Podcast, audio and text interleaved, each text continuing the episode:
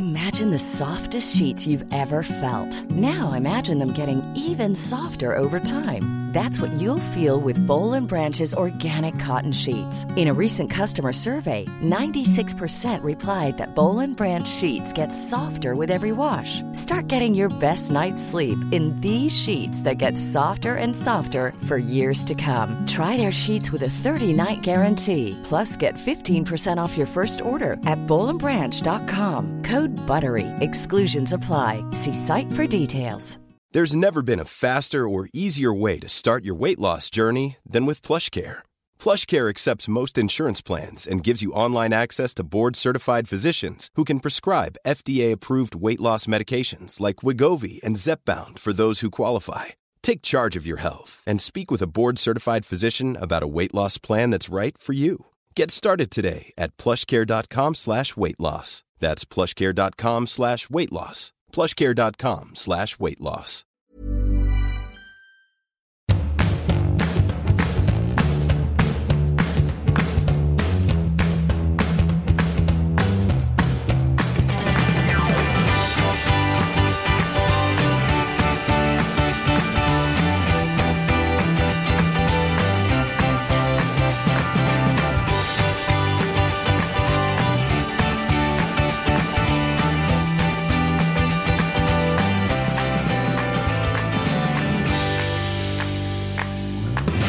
Hallå du där uppe på fjälltoppen.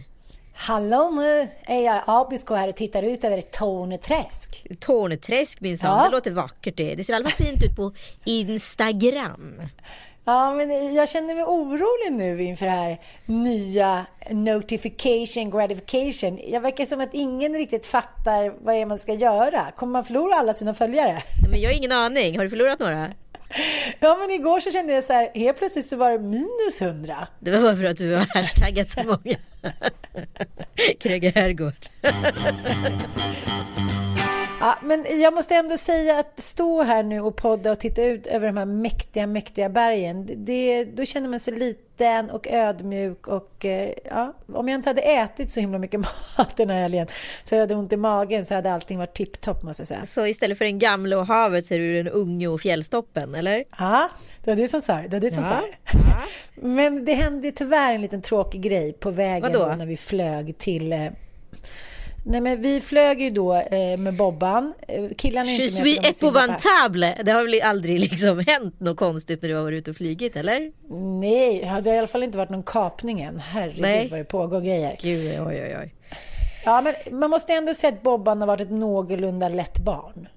Ja, det, fast det är ju lite roligt det där att du säger det och väldigt så tydligt så understryker det. För jag har ju också hängt med Bobban. Jag skulle nog säga att Bobban är ett ganska vanligt barn. Alltså han är kanske är lätt i förhållande till Tom Allan som är liksom helt dum i huvudet.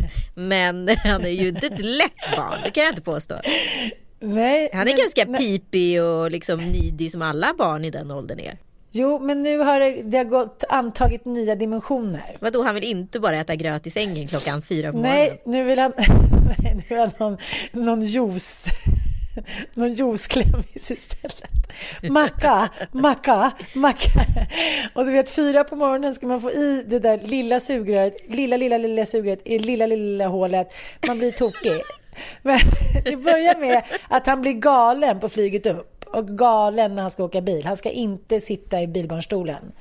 Sen dess har han låtit som en fjällskrika ungefär hela tiden. Ah, ah, ah, ah. Inget liksom stresspåslag har på den full- inte.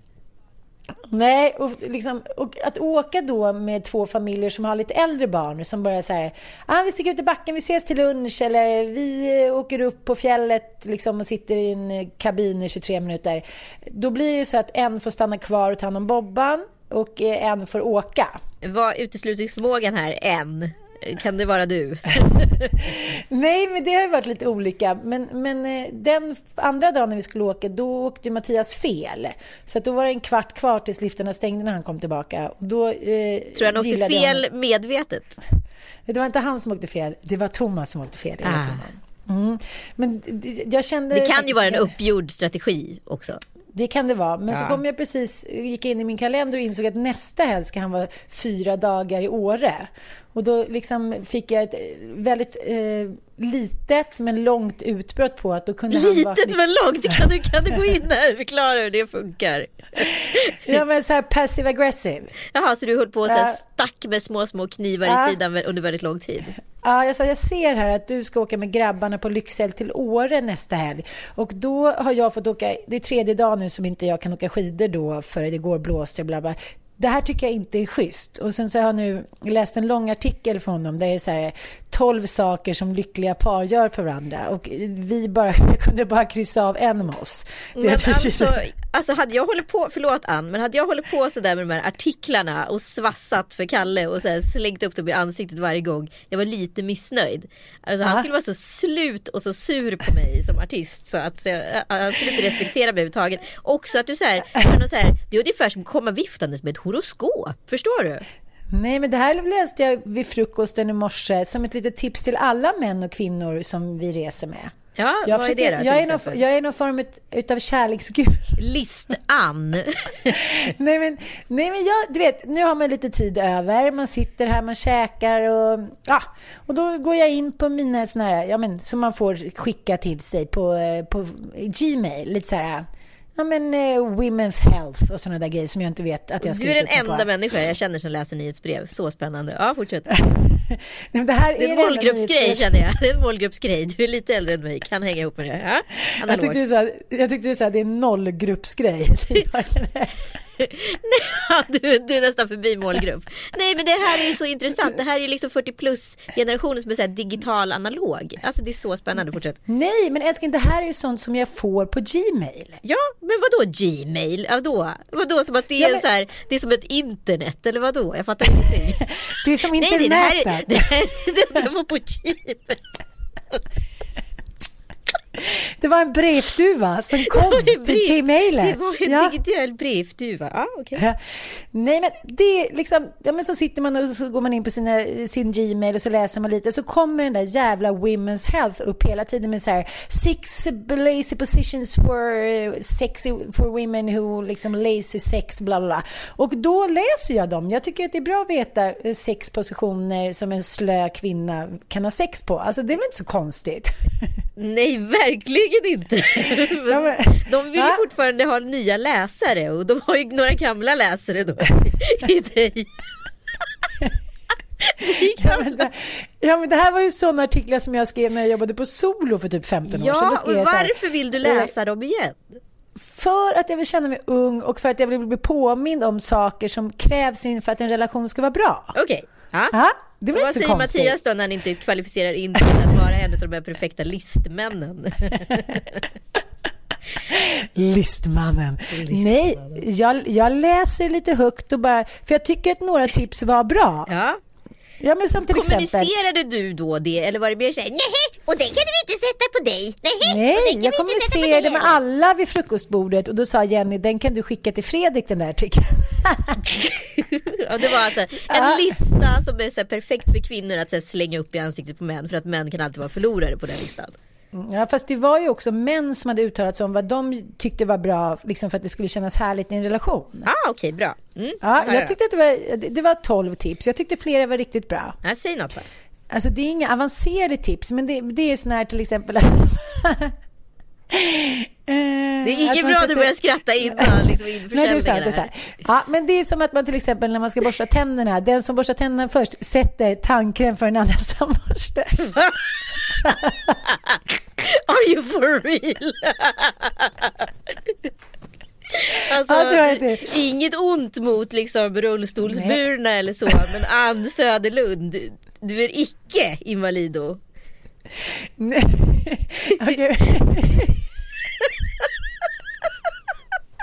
Okej. Okej, men jag fortsätter med tipsen. Mm. Nästa tips var till exempel att man ska kramas flera minuter varje morgon, att man ska ligga nära och hålla om varandra. Det tycker Men jag är fan har underbart. tid med det? Ja, det vet inte jag. Det här, jag tror att det här mest var sådana människor som inte hade barn. Ja, och så ska man ställa klockan man då liksom, varandra, på, på så här 06.56 för att då hinner vi kramas i sex minuter. Eller fyra minuter, förlåt. Jag kan inte räkna. Ja, och sen så var det också så här att man ska kyssa varandra hej då, att man ska så här, ge varandra komplimanger. Och då var det en kvinna som sa I tell my husband every day that he's so sexy and handsome and I can see tears in his eyes. Men skojar du med mig? Skojar du med Nej, mig? men, ja. Han Ja, men gråter alltså- ju för att han har Nej, hört men- det här till utled så att han, han bara säger nu kommer det igen. Hon, det betyder inte ett skit för mig längre, därför han gråter. Hatar När så ska hon mycket. förnya sig? Att jag är smart. Nej, men jag vill bara, det som jag tycker är bra med att läsa sådana här små artiklar, det är att, att man tänker på då Ja. skämma bort den andra och berömma den andra. Det är jäkligt lätt att man kör på i det här småbarnsträsket, att man bara säger det är din tur, nu får du gå upp, jag orkar inte med dig. Att man hatar varandra liksom på nätterna och vaknar upp och är på dåligt humör. Så då har jag varit extra gullig nu, så jag läste den där lilla analoga artikeln. Just det, men under Mm. tiden du skär, skärde honom med små giftknivar i sidan där. För att du är arg på att han ska på hel- grabbhelg på Åre. Så det är lite liksom, det är balansen. Man får ta det goda med det onda när man heter Mattias Johansson. Du menar att när jag kallade honom för världens mest själviska man? Exakt, och sen skulle jag ändå få reda på att han skulle sätta på tandkräm på din tandborste. Ja, men jag väntar med spänning till tågresan ikväll om det kommer vara där. Om det kommer vara ni två högen hem också. Det måste jag ändå säga, det är så otroligt mycket snö här uppe. Det är så otroligt härligt. Chockerande. Sett, ja men vadå, man har ju inte sett snö på hela vintern. Det känns ju som att man eh, blir som barn på nytt. Bobban är ju helt chockad. Kallt, kallt. Ja men city kids, alltså mina barn är också såna jäkla city kids, de vill inte vara ute. Penny sa ju det roliga, som bara det är så orättvist mamma. Att du ska få gå till jobbet och gå in och jag ska gå till förskolan och gå ut. Alltså hon hatar ju att vara ute på vintern. Ja, jag vet. För de är aldrig ute. Nej, jag hatar också att det är den typen av förälder som inte sätter på mig liksom stället och går ut och liksom är med dem. Alltså för det finns ju faktiskt jättemycket dåliga väder men det finns också väldigt mycket bra kläder för dåliga väder. Men jag är inte den typen av förälder som gör det. För jag är lika Nej, men- bekväm jag. Fast grejen är att när man är i miljöer där det är vackert och härligt, då är man ju en sån förälder. Ja, Förstår du vad jag menar? Men exakt, men att det måste liksom till det. För jag menar så här, för när vi väl var i Sälen förra året, då ville ju inte hon vara ute då heller. Hon ville ju inte gå skidskola och hon ville knappt åka pulka för det var, ew, det var kallt. Då, Ja, då känner ju jag jag att jag är misslyckad som förälder. När jag ändå ställer mig liksom i liften och åker upp och åker några härliga åk liksom. Men jag tänker få jämförelse med hur mina barn har vuxit upp i fjällen. När de blivit hungriga då har vi gått in och dragit liksom fyra burgare, ah, 700 kronor.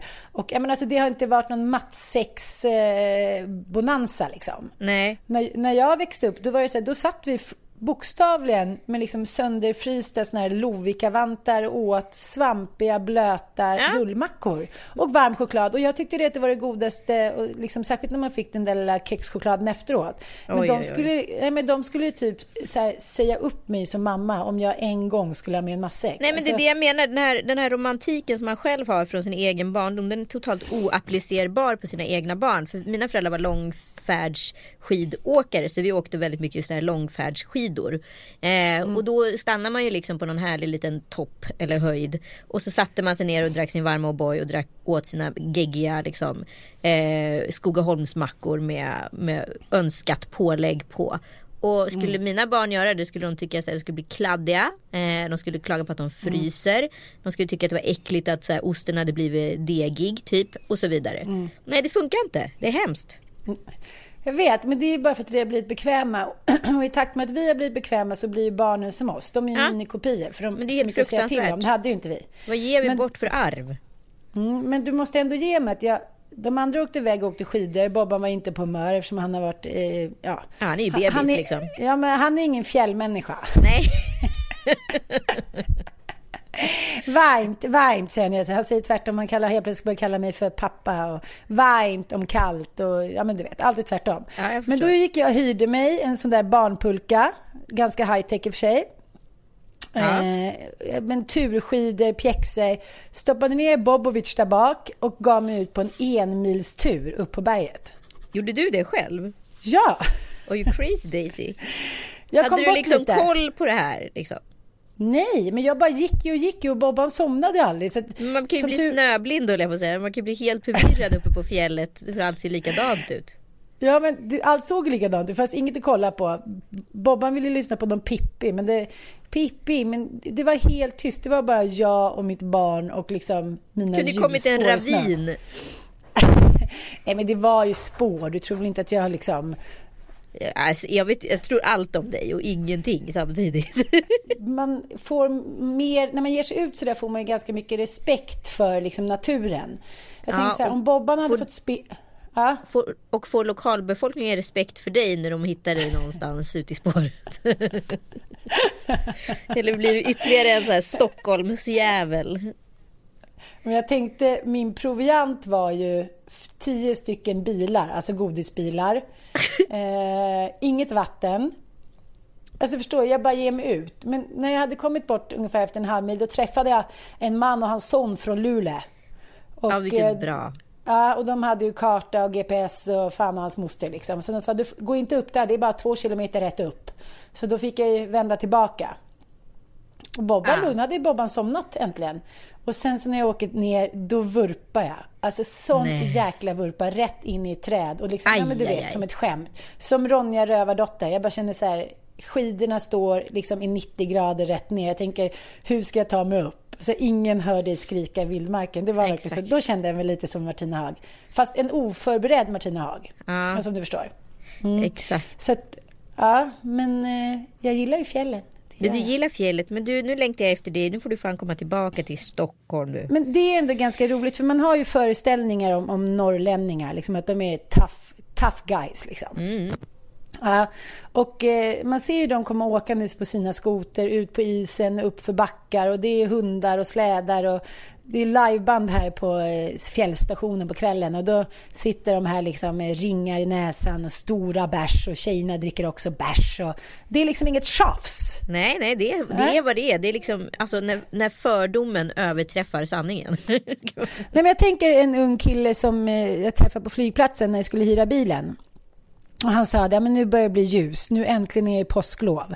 Då eh, drar vi alla ut till våra små stugor, Herbre, och så kör vi skoter av bara fan. Vi har alla varit superdeprimerade under hela vintern för det är bara mörkt, mörkt, mörkt här i Gällivare. Så att nu, vi måste, nu blir vi alla lyckliga igen. Och det är det vi lever för. Men alla jag känner är deprimerade under vintern. Vi Men det här är så spännande. Ah. För att jag ja. skulle precis säga att jag, jag känner en, en vårdepression. Ja, du, vi kör tvärtom i Stockholm.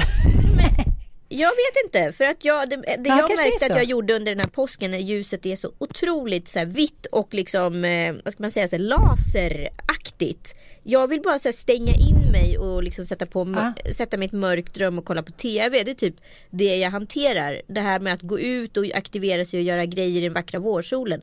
Absolut. Men i väldigt små doser jämfört med hur mycket jag vill vara inne. För jag klarar inte av en sån overload av sol. Som det faktiskt var nu i helgen. Aha.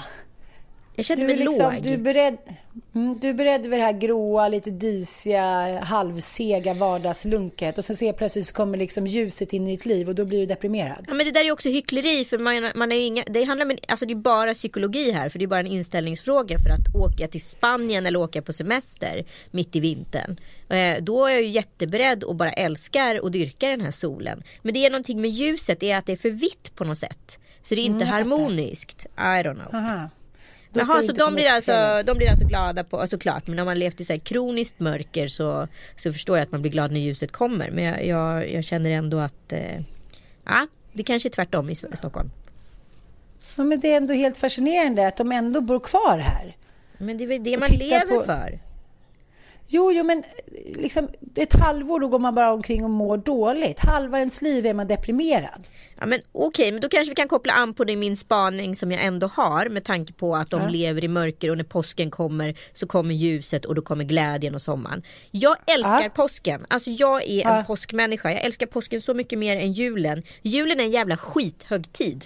Förlåt mig. I jämförelse med påsken. Jag älskar också påsken väldigt, väldigt mycket och därför tycker jag att det är väldigt, väldigt tråkigt att jag för andra påsken i rad nu inte haft mina barn för det har blivit så schemalagt.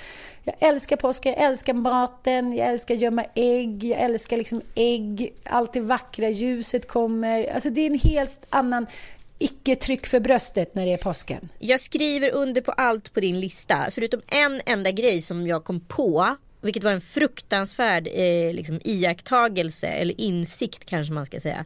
För att jag och Penny och hennes kompis Iris skulle gå ut och eh, påska helt enkelt som det heter då. Eh, och då började jag klä ut Penny i en litet huckle och så satte jag på henne en litet förkle och så satte jag på henne ganska bylsiga lager på lager kläder så hon blev liksom som en liten rund gumma och sen helt plötsligt så liksom Smink också. Ja och sminket och allting och det är väl små vårtor eller vad det ska vara de där grejerna på kinderna och, och ja och lite rosig så här som att man har frusit ganska mycket egentligen då. De här, ja. Ja. Sen insåg ju jag då att jag har ju faktiskt klätt ut henne till en romska. Och det är ju inte hennes fel och det är inte romernas fel men det vidriga är ju att förmodligen så är det ju vi som har blivit utklädda till romer när vi var påskkärringar när vi var små. Och det blev alltså, alltså själväcklet i mig blev så otroligt stort när jag insåg den här liksom Alltså Kopplingen. vidriga ja, kopplingen och också så här, skammen var helt enorm och den här vardagsrasismen som bara liksom är inbyggd i allt från så här Svarte Petter till ordet negerbollar och folk som så här stångas för att få behålla det. För vad då? Varför då? Det är för fan en chokladboll. Vad är grejen? Och jag, det, här, det var det här, jag bara kände så här. Okej, men nu måste vi uppdatera påskkärringen. Förlåt mig. Det här är inte okej. Nu blev jag jävligt politiskt okej, o- o- PK här. Men det här är liksom så o-okej. Hur ser en påskkärring ut Ann 2016 om du hade fått välja? Icke att appropriera på några kulturella aspekter här. Ja, men alltså, om, om du tar de gamla bilderna när, liksom från när barnen hittade på att de hade sett liksom sina mammor eller mostrar eller syskon hit och dit åka till Blåkulla på en kvast. Ja, då var vi, det här var ju 1600-tal. Då hade ju barnen och flickorna små kjolar. Eh, de hade hucklen och de hade bylsiga kläder. Bonde, för det var ju bara bonde, bondekvinnorna som råkade ut för det här. Att man skulle slänga sig i vatten och flöt man så var man en häxa och sjönk man så var man inte eller om det var tvärtom. Så att jag, jag tror att du är lite hård mot dig själv när det gäller vardagsrasismen för det var faktiskt lite så man såg ut då.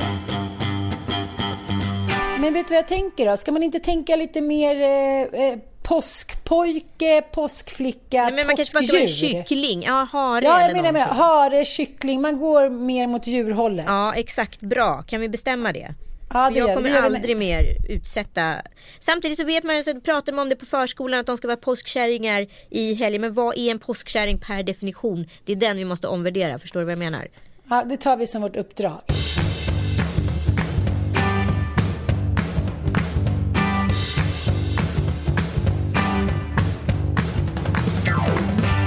Men du, jag tänkte på en annan sak. Eh, eh, jag tänker på när man är ett par och lever i vardag. Då tänker jag ofta på att det första som försvinner är vardagsskrattet. Ja. Eh, Jag tänker på det ofta, särskilt när vi har varannan vecka. Då är det ju liksom underbart, men också så går det ju ett. Man väcker alla de här ungarna på morgonen, det ska iväg, hej då puss puss. Det är som i en skämtfilm, liksom en amerikansk sitcom.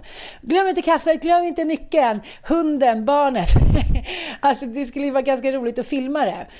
Eh, så då blir det lätt att liksom, det här skrattet kommer av sig lite. När man pratar med varandra så är det an, an, ofta lite anklagande eller så här, vem gör vad?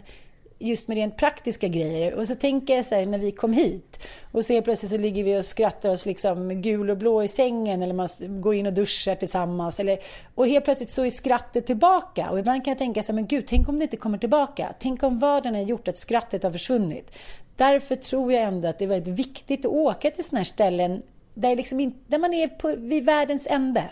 Ja, jag förstår vad du menar. Det är inte liksom heller så eh, tillgänglig som man är. För att oftast hemma springer man ju, springer man ju också runt och typ kollar på Instagram eller Facebook eller vad det nu må vara. Och liksom, det finns andra störande element som en iPad, eh, ett Netflix etc. Liksom. Ja, här är man ju en mer en organisk massa som käkar frukost, lunch och middag tillsammans. Ja, och man sitter under de här långa middagarna för att det är fyra rätter. Det finns inte så mycket, man kan inte smita iväg. Nej, och du kan inte ta upp din telefon riktigt heller och sätta igång Nej, och nej, men scrolla. blir- Jo, Ja, just det- du kan ju det för du har ju instagrammat ganska flitigt. Men ja, jag fattar. inte de andra. Nej. Nej, men jag menar att naturen gör någonting med oss tycker jag. Så här, med stora vyer och snö och liksom ja, men, kyla och liksom, du vet, det blir något härligt, det blir någonting ursprungligt och då helt plötsligt så bubblar skrattet upp. Då är det så här, men vi är ganska små här på jorden ändå. Ja. Ja, Jo, men jag, fint jag, med, jag är med Ja. dig. Det var ju väldigt fint tänkt av dig. Men jag håller med dig på ett sätt. Och sen så märkte jag ändå så att jag och Kalle har... Vi är inne i en jäkligt härlig liksom, grej just nu i vår relation. Vi är liksom verkligen lite nykära på något knasigt sätt. Det känns som att det var ett ganska stökigt eh, förra år och med mycket liksom här, stora beslut om relationen och så här, ska vi få det här att funka så är det en så här unison insats och sådana typer av samtal. Ehm, och eh, nu har vi liksom så här lite landat i det och har det fruktansvärt roligt. Han är ju väldigt, det måste jag ändå säga med min man och ge honom hur omständig och jobbig jävel han kan vara. Så han är faktiskt i grunden väldigt, väldigt rolig att leva med. Han är en Ja. väldigt kul människa och det är så här Alltså han genererar så många skratt åt mig hela tiden och vi, han sa något fruktansvärt härligt och roligt häromdagen. Tänk eh, så sjukt att jag ändå så här tittar på dina små äckliga citroner där. Jag har då en förmåga att här, dela på en citron och så sparar jag då den andra halvan i fruktskålen. Eh, För att jag tänker att den där kan jag använda vid ett senare tillfälle. Så kommer aldrig det tillfället så slutar med att den här citronen börjar mögla och så slänger Kalle den. Ja. Så så Ja. ser liksom vårt kretslopp kring citronerna ut.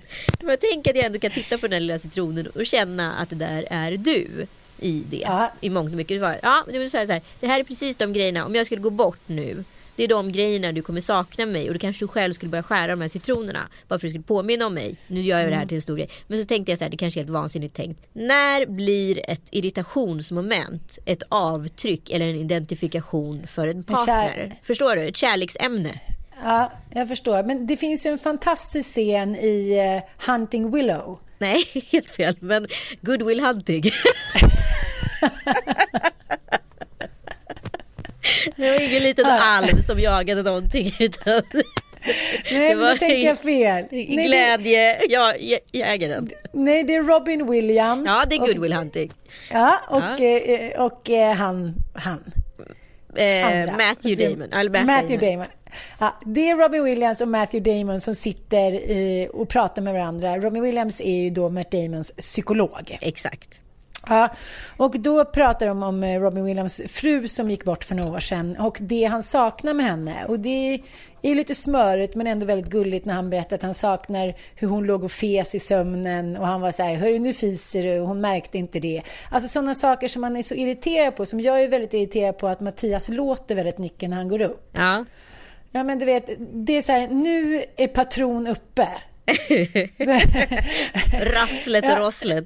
Ja, i morse skulle han gå upp och hålla på något med datorn och då var klockan halv sju, och liksom, det är väl, ok- eller halv sex eller någonting. Och det är väl okej att han ska upp och kolla sina lampor eller någonting. Men då, det, det, han släpper brakare och det är sladdar som ska sättas i och det är datorer som eh, ska sättas på och ramla ner. Och liksom, nu är storpatron uppe. Och då blir jag... Men å andra sidan så skulle jag, om han inte fanns skulle jag ju såklart sakna att han fjärtade eller vad nu håller på med. Eller det skulle jag för sig inte sagt. Ja, men det jag menar är, jag har ett ex som jag ändå hade, ja, jag var ihop med honom i två år. Eh, och han liksom lämnade inget så avtryck eh, hos mig överhuvudtaget på det sättet. Det finns ingenting. Eh, där var jag fortfarande i irritationen. Förstår du vad jag menar? Där hann det aldrig bli nostalgi. Allt jag minns av honom är fortfarande saker som jag stör mig på. Eh, och där han aldrig liksom det övergå till något så här vackert eller kärleksfullt. Och jag, Jag undrar, jag undrar om, så här, om det skulle ta slut mellan mig och Kalle med så här buller och bång. Skulle det vara då fortfarande en charmig grej eller skulle det vara saker han hatade? Hänger det ihop med det också? Men jag tänker också att Kalle, hur ni än kan bråka ibland och säga dumma grejer till varandra så har ni en otrolig grundkärlek och grundrespekt. Även om det skulle ta slut mellan er så tror jag ändå att ni liksom skulle sköta det som vuxna människor. Den, den, det exet som du pratar om, han behandlade ju inte dig med respekt. Nej, nej, men, Nej. men man Nej, kan ju ändå vadå? komma ihåg roliga grejer med människor även fast de inte alltid varit supersnälla. Förstår du? Jo, fast å andra sidan så är det så här, jag tror att liksom minnet selekterar då att man inte vill minnas några bra grejer. För att den, Ah. ma- mm, man får reda på att den där personen inte har varit någon schysst, kanske till och med ett jävla svin. Och då så här, att ligga och tänka på små roliga grejer, att han så här, snusade en i naven eller så här, fjärtade lite på liksom, när faster Rut var där på sin 80-årsmiddag. Varför ska man minnas det? Ja, det är sant. Sant, sant. Ja, ja jag tror att det, det handlar om som, det handlar att man inte ska bli bitter. Precis. Och mm. apropå bitterhet så måste jag prata om nästa grej. Som jag har på mm. min lilla lista här eftersom vi faktiskt har ett ja. manus. Eh, det är att jag tycker att gamla människor är så jävla överskattade. Ja, du säger ofta det, men, men eh, jag vill gärna att du ska förklara det. Nej, men det, det pratas väldigt mycket om att här, man, när man pratar om gamla människor många gånger så pratar man om dem med så otrolig vördnad, som att de är livserfarna, de sitter på all den här rika kunskapen. Jag kan säga så här, 10 procent utav alla gamlingar är sådana där voyeurer, är sådana där härliga liksom, nostalgiker som bara liksom eh, har en glöd och kan liksom ge någonting till eftervärlden. Som var smarta, intellektuella, för sin tid, kanske var liksom till och med lite eh, upproriska under sin tid och på något sätt inte passade in i strömlinjeformen. För de strömlinjeformade gamlingarna, de är inskränkta, småaktiga små as som bara bryr sig om sig själva med smått rasistiska ideologier och inte tänker på någon annan än sig själv i första hand är, är du med, med mig? Är du med ja. mig? Träffa liksom så random gamling och de kommer garanterat vara så här irriterade på någonting du gör. Det finns några som sagt härliga vad jag gör. Jag skulle säga att 10, 10 kanske 15 procent. Men sen den där drömmen om, eller om den där mormorn som var så himla fantastisk. Eller den där underbara morfadern. Nej, den, den existerar oftast inte. Men vet du vad jag tror att det handlar om väldigt, väldigt mycket? Nu Nej. går jag tillbaka till, mi, till saker jag läser ja. på Gmail. Precis. Men jag tycker det är väldigt fascinerande att liksom så här, hitta koderna till det som gör att man håller ihop eller blir en härlig gamling. Ja. För jag håller med dig att liksom, ju äldre man blir och ju mer gamlingar man träffar på så tänker man så här, du som ändå var ganska härlig när jag var liten, vad hände med härligskapet? Exakt. Varför är du en snål, ogin, smått rasistisk, överviktig gubbe? Alltså förstår du lite vad jag menar? Mm. Det är så här, vad hände med, med liksom det som var härligt och spirituellt och kreativt? Och då tänker jag liksom, de, sen kan man ju råka ut för grejer i livet som gör att man blir bitter. Det är Folk väl klart. hit och dit. Men det jag kan känna, de människor som jag gillar, de äldre tanter och gubbar, det är de som har skapat någon form av plattform för sig. Förstår du vad jag ja, menar? Exakt, jag är med ja. dig där. Och ja, det är inte så... alla som gör det. De flesta Nej. följer ju bara strömmen som liksom vilken likmask som helst höll jag på att säga. Ja, men du måste också tänka dig att 40-talisterna, det de liksom växte upp med var så guld och gröna skogar. De behöver aldrig söka ett jobb. Nej. De kunde klara sig på en lön. Alltså de har ju hamnat i en chockfas att de helt plötsligt säger oj, var det bara 13 kronor i pension? Men ja, vadå, det är klart ska man inte, blir bitter. Ja, ska inte jag ärva något eller ska inte någon ge mig pengar? Ska jag inte få ett sommarställe på Utö? Vilket det har varit i alla generationer tidigare, att man har haft någon form av så här, familjär grundtrygghet. Jo, men den här tanten som både du och jag och säkert väldigt många som lyssnar på oss fantiserar om att man ska vara, som sitter på nere på en balkong i Nice eller någonstans i sydliga Europa och röker typ cigarett med munstycke och har en stor hatt och säger ciao ciao när man går ner på byn och, och känner alla. Ja, och dricker rosado. Ja, men den kvinnan är ju en på miljonen. Kan vi konstatera det? Okej, okay, men då måste vi till exempel återkomma till att det handlar om, igen, en plattform. Att man mm. har köpt sin lägenhet på Rivieran. Eller som här, till exempel ett av de paren som vi är med här, de har fått ett hus i Skåne av, sina, av hans föräldrar. Mm. Ja, så då har de på ena sidan så att de liksom garanterar att deras barn och barnbarn kommer så att det blir härligskap. Då har de någonting att leva för, de känner att de har, de har varit generösa och de är så här, de knyter familjen till sig. De tänker inte bara på sig själva. Och jag tror på det här. Generositet. Mm. Alltså, det är allt. Men då måste man ju också ha någonting att vara generös med. Jo men också men det... så här, det handlar ju om att du ska ha kanske ganska mycket pengar på banken för att vara härlig. Förstår du vad jag menar? Du måste ha tänkt två steg längre eller ha i alla fall en annan typ av uppbyggnad och strategi i ditt liv så du har råd att vara härlig. Det är, det är, det är en klassfråga börjar jag inse allt mer. Ja, eller också så här, man behöver ju inte ha mycket stash för att man till exempel köpte liksom en tomt på Öland 1972 för 375 000, vilket jag också känner liksom äldre människor som har gjort så de har skapat ett paradis liksom. Ja, ja, jag, tror att det bara, jag tror att det bara handlar om att ha, så här, att ha en vision och inte bara tro att så här, runt nästa krök kommer det någon som så här, räddar mig eller ger mig någonting göttigt. Det är så här, att så hela tiden kämpa på själv för ett större mål. Det tror jag man måste ha. Ja, det är rätt. Bra där. Tack så mycket. Ja, varsågod. Så att, äh, det är därför man också så här, ser att det är just den generationen som vi inte gillar så himla mycket har aldrig behövt kämpa för någonting. Och sen så helt plötsligt så var välfärdssverige liksom bakom gärdsgården och det kunde inte de fatta. Så då blir de sura och bittra och tycker att någon annan ska betala. Exakt. Note to self. Mm. Mm, Men jag tänkte på en mm. annan grej som är ändå ett samtidsfenomen som vi, vi kommer ju få en generation människor som är IVF-are. Och inget, mm. det, alltså, nej nej nej, jag säger inte att det är något fel med det här. Nej. Men det är väldigt intressant för jag har sett på många så här vi i vår generation, vi gör ju många saker lite bakvänt och vi, eh, ja, vi kanske tagit livet lite liksom med en klackspark. Kanske som ett arv från 40-talisterna. Och det man nu önskar sig kanske i 40-årspresent eller bröllopspresent när man gifter sig. Det är ingen bröllopsgåva utan pengar till en IVF. Wow! Mm. Och då inser man ju så här, ja alltså det är klart att IVF är ju liksom det är ju både liksom genetiskt men också att vi har startat för sent och liksom trott att vi ska göra en sak i taget. Eh, och, och jag tycker, jag tycker det, är, jag, det finns något så otroligt både härligt och sorgligt i det här. Förstår du vad jag säger? Att, mm, att så här, mm. det är otroligt fint att man vågar blotta någonting som man kanske upplevde tidigare var väldigt privat. Och nu gör det mm. som en delaktighet till alla på ett bröllop. Och själv, alltså om någon skulle säga till mig så här, gud jag vill inte ha några pengar men jag vill bara ha stöd till en IVF. Då skulle man ju typ ge halva sitt liv liksom känns som.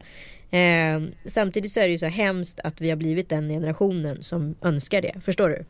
Ja, men vadå, är det här vedertaget eller är det någonting som du tänker kan finnas i en framtida utopi? Nej, nej, det här är vedertaget. Jag vet två stycken, en födelsedagsfest och en bröllopsfest. Det, det har varit liksom den önskade gåvan. Ja, istället för det... bröllopsresa, istället för den där listan, istället för det där drömmen om sommarhuset eller bara liksom random prylar. Pengar till IVF. Jo, men jag tänker också så här, vi lever i den mest oromantiska av eror och års, årtid, liksom, Ja, det är ju väldigt bra att du säger för det tror jag faktiskt att vi gör. Ja, men samtidigt så är vi såna jävla suckers på romantik som ingen tidigare generation. Mm. Varenda film är romantisk, varenda jävla låt handlar om kärlek. Hela våra föreställningar handlar om att vi ska vara så här, leva i liksom, tillsammans i en kärnfamilj och vi ska åka till Gran Canaria. Jag får liksom inte gå ihop och det är också otroligt intressant historiskt. Liksom. Vi började ju inte bli särskilt romantiska förrän vi fick välja vem vi kunde gifta oss med och det var väl någon i Jönköping, Carolina Månsdotter som för första gången på 1600-talet finns det liksom Förlåt, Karin Månsdotter för att citera Herman Lindqvist. Nej, nej. Ja, nej, men det var inte Karin Månsdotter. Hon hette Caroline eller något. Men, men hon var den första som var så här, nej, jag ska gifta mig med guldsmeda. Jag ska gifta mig med smeda. Ja. Och, och liksom gick emot sina föräldrar. Så, att, så här, romantik har ju inte varit någonting som vi liksom har levt med. Det har varit så här, okej, okay, ni bor nära oss, då gifter sig våra barn och så får vi eran åkerlapp och sen så liksom eh, garanterar vi framtida generation. Det är faktiskt på det jävla sättet det har varit. Liksom. Mm. Och då blir eh, IVF-grejen blir också att man har en sån stark tro på romantiken. Jag har ju så många vänner som är över 40 som är så här, men jag trodde vår kärlek skulle göra att jag blev på smällen. Då blir mm. man så här, nej men okej, varför skulle du göra det? Alltså, vi har levt liksom i hundratusentals år med den här kroppen och som säger att typ efter 25, då är inte du lika fertil längre. Att ni två är kära varandra och pippar mycket och är liksom 45, det, det kommer ju inte generera några barn. Nej. Jag tror att vi måste så här, ta bort skygglapparna lite och så här, okej, okay, börjar du skaffa barn när du är över 40, ja, men då är det inte säkert att det blir någonting. Och det Nej. blir missfall och det blir det och det. Nu är det som så en väl bevarad hemlighet i kvinnors värld. Mm. Nej men det är också det... så väldigt märkligt i och med att vårt liv blir längre så att så här, rent principiellt utifrån vårt nya, vår nya levnadsålder så är det ju mest logiskt att vi skaffar barn runt senare 35, runt 40. För att vi är ju liksom nästan 20 år äldre än vad vi var för 50 år sedan. Jo, jag vet, men det kommer ju bli så här, om, ett, om en miljon år kanske kroppen har hängt med på det. Ja, ja du menar den biologiska evolutionen. ja. Jag tänker bara lite så här, det funkar skitbra att vara romantisk väldigt många gånger, men just när man ska skaffa barn så får man nog tänka om lite så här. Ja. Ja, jag, jag, tycker, för jag tycker det är tråkigt och sorgligt att man har liksom så många vänner som är bästa. Nu tycker jag att det passar. Liksom. Den här sommaren passar att vi ska få barn för så kan jag ta, ta pappaledigt eller mammaledigt. Och så blir det ingenting. Och så, så hela deras värld kretsar kring det här i åratal. Jo, men jag var ju själv en sån och jag får dagligen liksom mail från människor just i den situationen. Och ja, och det som också är väldigt märkligt när man har då två glada friska barn som man är väldigt så här, nöjd och stolt över. Då börjar folk direkt fråga så här, när kommer trean? Och jag är så här, men mm. vad fan är folk aldrig nöjda liksom? Am I here mm. to please the audience eller vad är det för någonting? Nej men det jag menar är att det finns ju vissa saker som vi ska, tycker jag, värna om som inte behöver innefatta teknik eller ja, för all del liksom IVF och ja, men, som ta till exempel nu, nu är jag på SDF fjällstation här. Eh, kan man bli medlem och sen så får man bo här och äta gott och få tillgång till liksom hela den här fantastiska världen som finns här utanför. Det är mm. väldigt, väldigt mycket japaner här. Och sådana saker tycker jag också bör lyftas fram. Att det behöver liksom inte vara flash in the pan och man måste åka till Åre och sitta på broken dreams och liksom ens barn bara får se det där. För jag tror att för liksom den här själen att man ska ha en så gemenskap, vilket jag tycker går ganska mycket förlorat, särskilt när man bor i storstan. Att man så här, äter på olika tider, liksom ens, barnens kompisar drar, det är aktiviteter, man är själv så uppkopplad hela tiden. När man är på ett sånt här ställe, då är det, så här, då är det lite så här, gud, ja, vad är det som betyder någonting? Ja, det var visst familjen liksom. Mm. Ja, men det är också det att barn och familjen har ju alltid funnits där och varit det viktigaste. Men det har också funnits att man måste hela tiden överleva. Behöver inte det längre. Och det pratade vi om igår.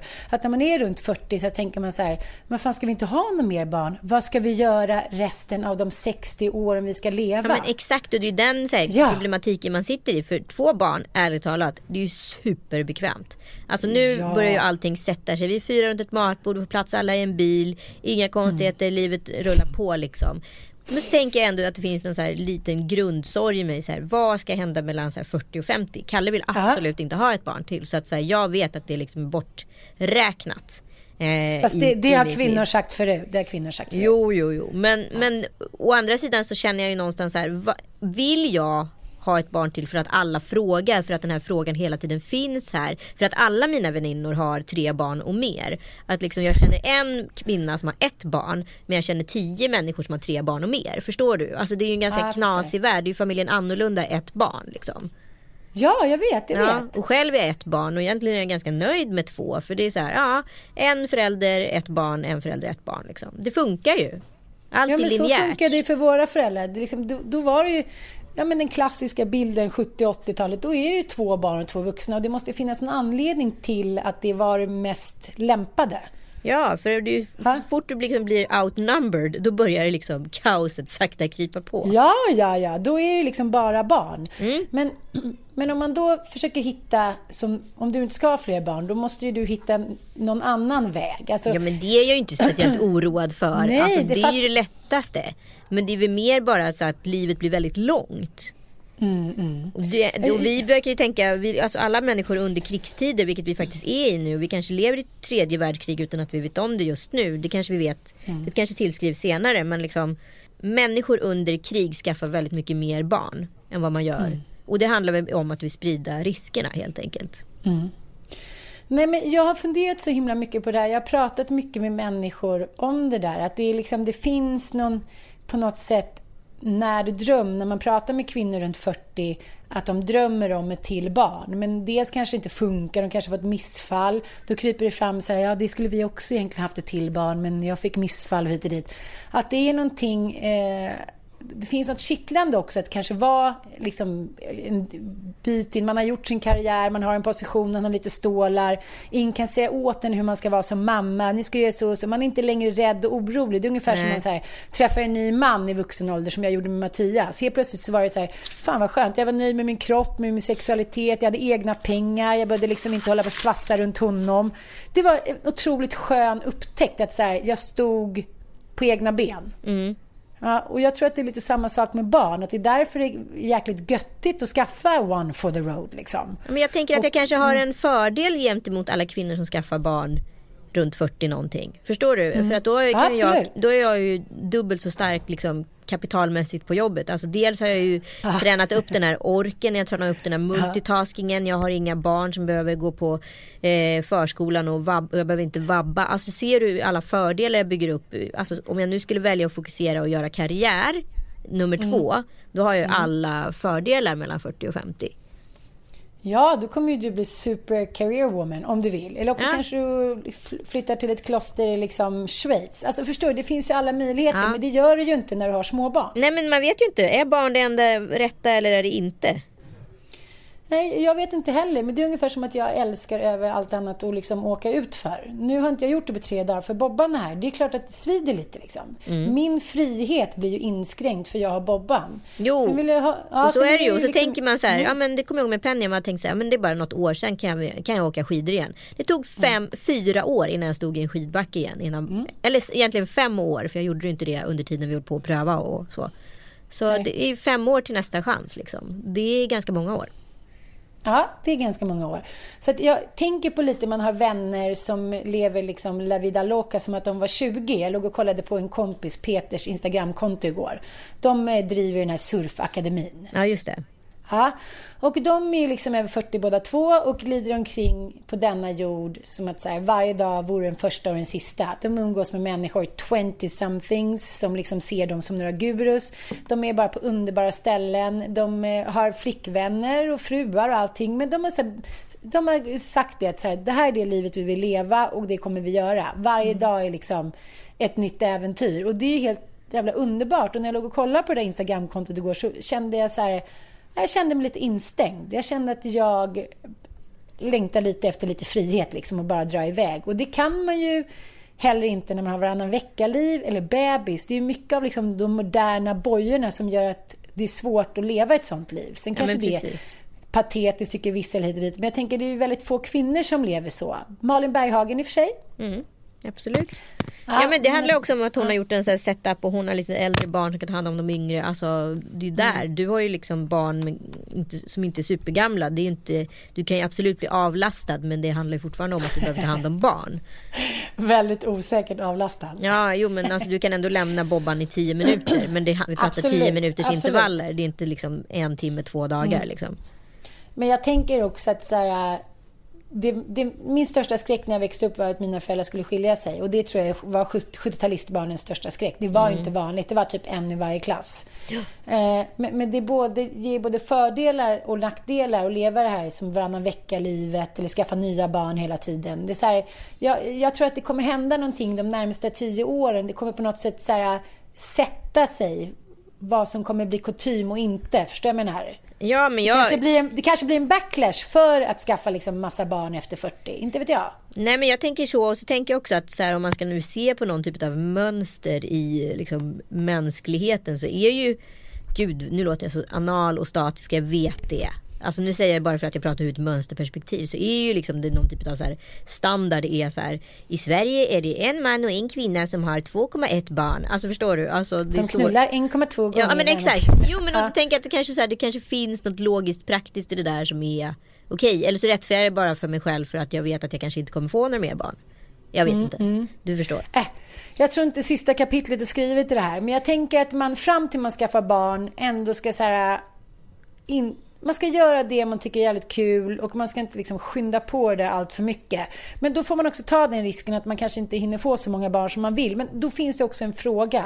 Varför ska man ha alla de här barnen? Är det för att man annars blir uttråkad över livet? Ja, ja, eller rädslan för, för att liksom bli gammal tror jag i grunden det handlar om. För att med barn så blir man ju också yngre. Men jag har en kompis som jag ändå ser som en så inspiratör för mig. Eh, hon, är inte, hon är egentligen yngre än mig men hennes barn är lite äldre än mina. Och hon heter Marilyn. Eh, hon har bara startade upp, liksom, hon har jobbat på PR-byrå i alla år och så här, oerhört duktig, så här, handelstjej, bla bla bla. Ja men du vet, the good Mm. girl. Vi delar ju kontor nu för tiden. Men hon har ju startat upp det här Testagram. Ja. Vet, vet du vad det är? Det är att man får liksom Ja, hem förklara, olika så det är här. Ja, men hon har ju, man får hem olika så här livsmedelssamples. Mm. Det vill säga allt från så här, den nya typ eh, jordnötssmöret som kommer ut till, eh, till liksom tvättmedlet. Eh, så det är som en, du, alla vet ju förmodligen vad en glossybox är. Det är så här sminksample som kommer hem. Det här är samma sak fast det kommer från mat och livsmedelsindustrin. Så då får man hem en sån. Så man får liksom prylar för typ ett varuvärde på 300 spänn ungefär. Ehm, och då kost, betalar man egentligen bara portot och det är 99 kronor. Eh, och jag tycker det är en sån briljant affärsidé och nu vill ju typ alla jobba med henne. Och de som inte har ett testagram borde fan skaffa det för det är så sjukt bra sätt att liksom få reda på nya produkter på marknaden. Och dels tycker jag att allt så kvinnligt entreprenörskap så som Marilins och etc. ska premieras. Mm, absolut. Vi, kan... Du har ju Testagram, eller hur? Ja, ja, jag tycker ja. det är helt fantastiskt. Hon, hon berättade om det där för något år sedan när vi hamnade på samma middag. Ja. Och jag, jag tänker också att man, man tror att man inte riktigt kan börja liksom starta ett eget företag när barnen är små hit och dit. Jag måste säga så här, är det någon gång man ska göra det är när barnen är små. För man är så liksom multiflexible. Man sover inte, man äter inte, man är bara så på gång hela tiden. Ja men tiden. du har ju en sån ork som är helt ja. bisarr. För att du, ja. så här, du, du så har lärt dig att leva ut dygnets alla timmar och optimera mm. dem. Och sen det som är skönt då nu när man liksom har lite större barn i hennes fall då. Då kan hon ju verkligen börja skörda frukterna av det här karriärsmässigt liksom. Och mm. det är ju fantastiskt. Jag älskar, och där ligger liksom mycket av min inspiration. Jag vill ju verkligen göra en sån resa som hon har gjort med Testagram. Och jag, mm. framförallt så älskar jag liksom idén, jag älskar konceptet och jag tycker att hon är supercool. Det tycker jag var jättebra att du plussade henne. Men jag måste ändå säga att jag tror att det handlar om till syvende och sist att man så här när man blir på smällen runt 40, det är klart att man känner sig fertil. Man bara, åh, jag är jätteung, jag kan bli på smällen som 20-åringarna. Alltså, ja. jag tror att det handlar om det där, eftersom Gud är utraderad och hela världen står i lågor, så är det så här, men jag står kvar här som moder jord. Och jag, jag är fertil, ja, och jag ska liksom inte svaja. Jag är typ, ja, moderstoden på något sätt. Eller jag, kan det ligga något i det? Ja, men jag tror alla är rädda för att hamna i klimakteriet också. Det är väl också en förskjutning utav det. För då känner du dig helt plötsligt ganska så här okvinnlig. Då är du inte ens, en då är du inte ens in i målgruppsålder längre höll jag på att säga. Då är du inte ens i målbrottet. Alla vill ha ett ja, lyxsnöre. Ja, ja, det är sant. Vi får prata vidare om det där. Men, eh, Tack för idag Ann Söderlund. Ja, jag vill bara tänka också en sista grej att man inte alltid behöver fokusera på kvinnorna. Alltså förstår du vad jag menar? Nej.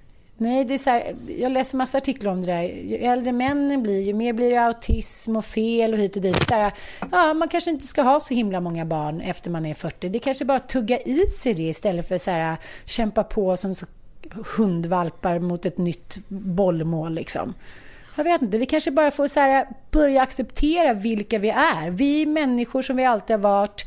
Vi är fertila till en viss ålder. Det spelar ingen roll att vi lever längre. Vi är fortfarande kvar i det vi har varit i tusentals år. Liksom. Det kanske bara är så här, gilla läget och leva sitt liv. Liksom. Mm. True mm. that. Word, ja. Ann Söderlund. Åk skidor nu Tack. och så ses vi imorgon. Puss puss! Tack så mycket för idag. Nu ska jag ut och åka skidor. Puss och kram. Hej hej!